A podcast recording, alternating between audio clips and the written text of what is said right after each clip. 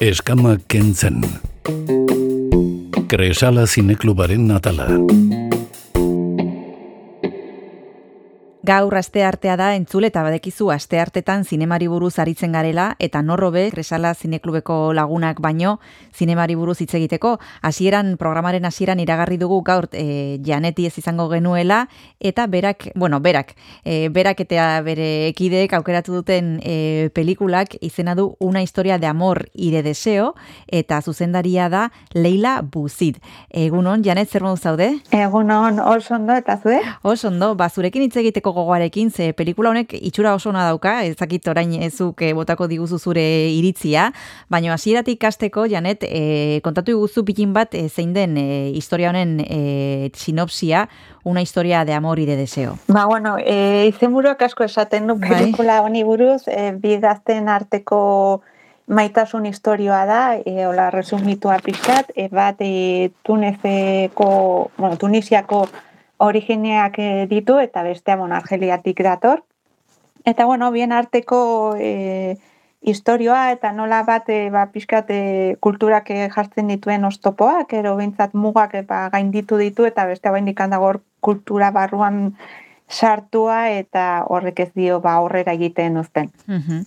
E, batez ere amodiozko historioa da, Janet, edo baita e, pelikulak albidetzen du ba, beste gauza batzuk e, ezagutzeko nola bizi diren e, bi gazte berez e, arabiar jatorria dutenak e, Parisen, e, beraien e, gizartea nola funtzionatzen duen, beraien kulturak nola funtzionatzen duen, e, zer da gehien bat gailetzen dena historiontan? E, amodiozko historioa edo azpitik dagoen e, trama hori? Ba, nik uste denetari pixkat e, pintzelara txikiak eman ditu ez zuzen nariak lehila bauzi. Nik uste e, bai, amorioa da pixkat eskusa bezala ez, hainbat e, pintzelara botatzeko, zuk esan da, ba, gizartea nola bizi den, nola ba, be, e, protagonistaren aita bidez e, kazetaria da, eta nola bere erritik alde egin bar izan zuen familia osakin, ba,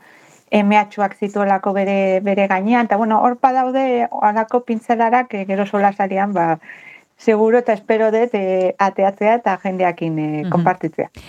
Bueno, aipatu behar dugu ditugula bi protagonista hemen, e, batetik e, mutila eta bestetik e, neska, e, nolakoa da pertsonaia bakoitza? E, oso diferenteak dira, e, amodiozko historia bat bizitzen dute elkarrekin, baina honek ezakit e, karakterrak antzekoak diren, diferenteak? Bai, e, asieratik, e, bueno, bentsat asieran oso diferenteak e, dira biak e, neska fara, e, Argeliatik ezakit iritsi berria, ero bentsat, e, dela gutxi iritsita Parisera, eta ba, pixkat, hori ez, gizarteak eta bere egin kulturak e, gaititz, e, gaititu ditu bere gaizarteak emandako mugak, ez?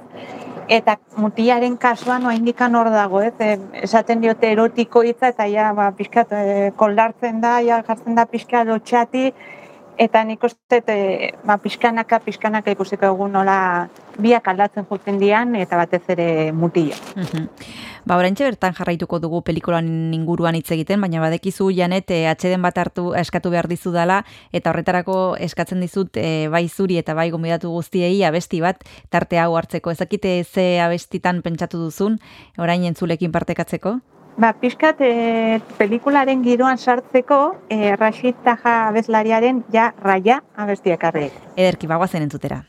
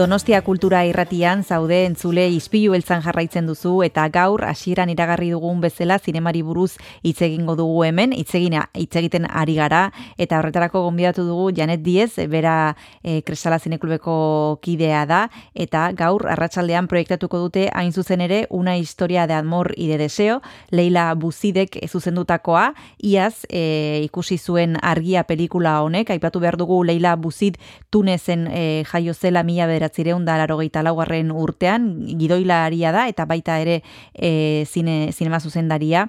Ari ginen hitz egiten pertsonaien inguruan, e, Janet, eta nik ez dakit e, zein, izan de, zein izan den e, aitzakia edo arrazoia pelikula hau kresalara ekartzeko.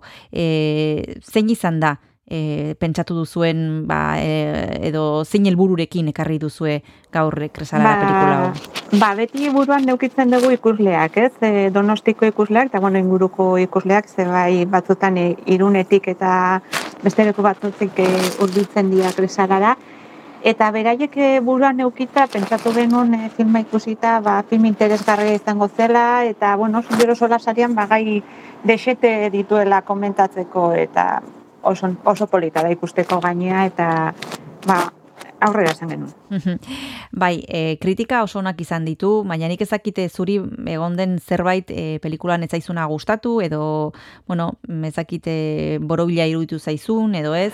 Neri gustatu zait, egia esan da, e, ez nun espero alako, ba, bueno, e, pertsonaien aldaketa eta e, zuzenariak ematen dituen pintzelarak beste gai txiki batzukin, ez? Ba, batzutan bota itzen ditu alako pertsonaien esaldiekin ba, gai potente batzuk, Ba, ba, gustatu zaire, esan dezakete pelikula borobila dela. e, aipatu dugu zuzendaria e, gaztea dela, e, tunezen jaiotako neska gaztea Leila Buzid e, mila beratzire ondalaro laugarren urtean jaio zen tunezen, baina gero joan zen Parisera ikastera, e, batxilergoa bukatu ondoren eta sorbonan ikasi zuen e, literatura. Ez da bere lehenbiziko lana, aipatu behar dugu ba, labur metrai matzuekin hasi zela lehenbiziko, e, bonxur, 2006an, ondoren e, beste proiektu batzuk ere izan ditu, hau da bere azken proiektua, eta nik ezakit aldez aurretik e, zuzendaria ezagutzen zenuen, beste lanaren bat ikusi duzun, edo hau zen hau izan den lehenbizikoa. Ba, niretzako, nire kasuan lehendabiziko, bueno, bere lehendabiziko lana da, e, ikusi detena, eta bueno, ni ikuste askotan esan dut erratean, baina hau da bai, e, ba jarraitu baren zuzendari bat, ez? E, hain gazte izan da, eta ba, bueno, alako pelikulak eta alako begirara e, jarrita bere ba, gai, olako gaietan, ez? E, gertu ditun berak e, gaietan, baina bueno, beste batzuk ez ditugunak hain gertu, ba, interesgarria da. bai, zaipatu behar dugu, bueno, esan dugu ja da, e, bera Parisera joan zela ikastera, eta oso ondo daki nola sentitu alden pertsona bat Afrikatik datorrena, eta badibidez kasu hontan Frantziako hiriburuan, ba, nola egokitu behar den bertako kulturara, baino jakinda, ba, beste leku batetik e, datorrela, ez? Eta oso ondo islatzen du kasu hontan pelikula honetan, baina nik uste dut bere lan guziek ere badutela horrelako e, kutsu bat edo horren arira e, direla gehienak. Bai, gainea, e, bueno, kasuotan pertsonaiak e, arabiar kulturako pertsonaiak dira, baina bai ikusten dugu e, ba, beste kulturetako pertsonaiak, ez? Badago momentu bat sekuentzia bat e, pertsonai nagusia mutila e, ikastolara, bueno, institutura, o unibertsitatera ez dakitu bantxe bertan, e, ze klasetara di joan eta pasilloan ikusten duzu, ez? Ba, asiako bat, e, Afrikako beste bat, e, er, kultura desberdinetakoak, ez? Eta nik uste bai protagonistak e, bere kulturaren gertu dago dela, baina bueno, beste kultuak bai e, hartzen ditula bere begiraran.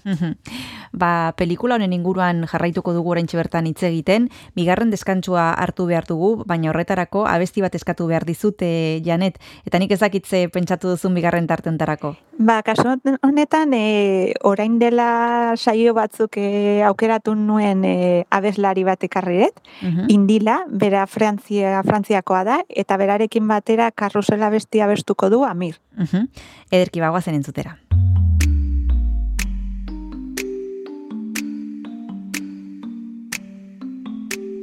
Qu'est-ce qui m'arrive? Qu'est-ce qui me traîne? J'ai le Vésuve au fond des veines. Ah, elle est si belle, la douleur qui m'interpelle. Le plus beau des coups que la vie assène. Le plus beau décor de corps qui joue la scène. Je suis tant étourdi, je tiens à peine, mais ces désirs me retiennent. Et je cours, j'ai le cœur en aller-retour.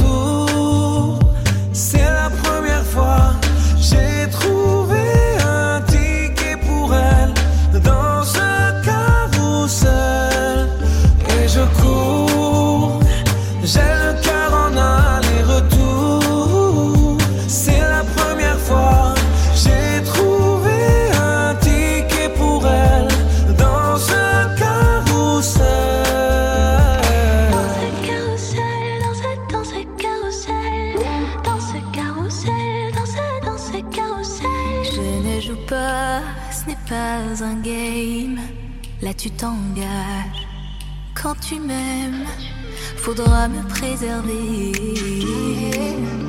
jusqu'au souffle dernier. Je cours, j'ai le cœur en aller-retour. C'est la première fois, j'ai trouvé enfin l'essentiel dans ce carrousel. Oui, je cours,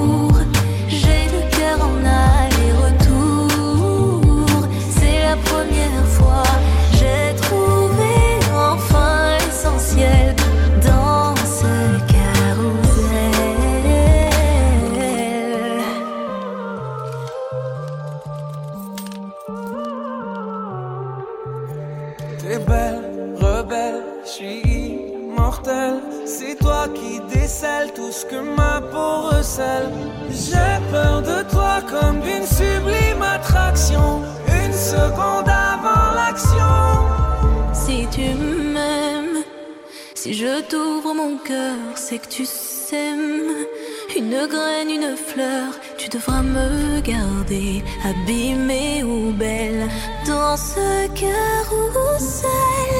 Et je cours, j'ai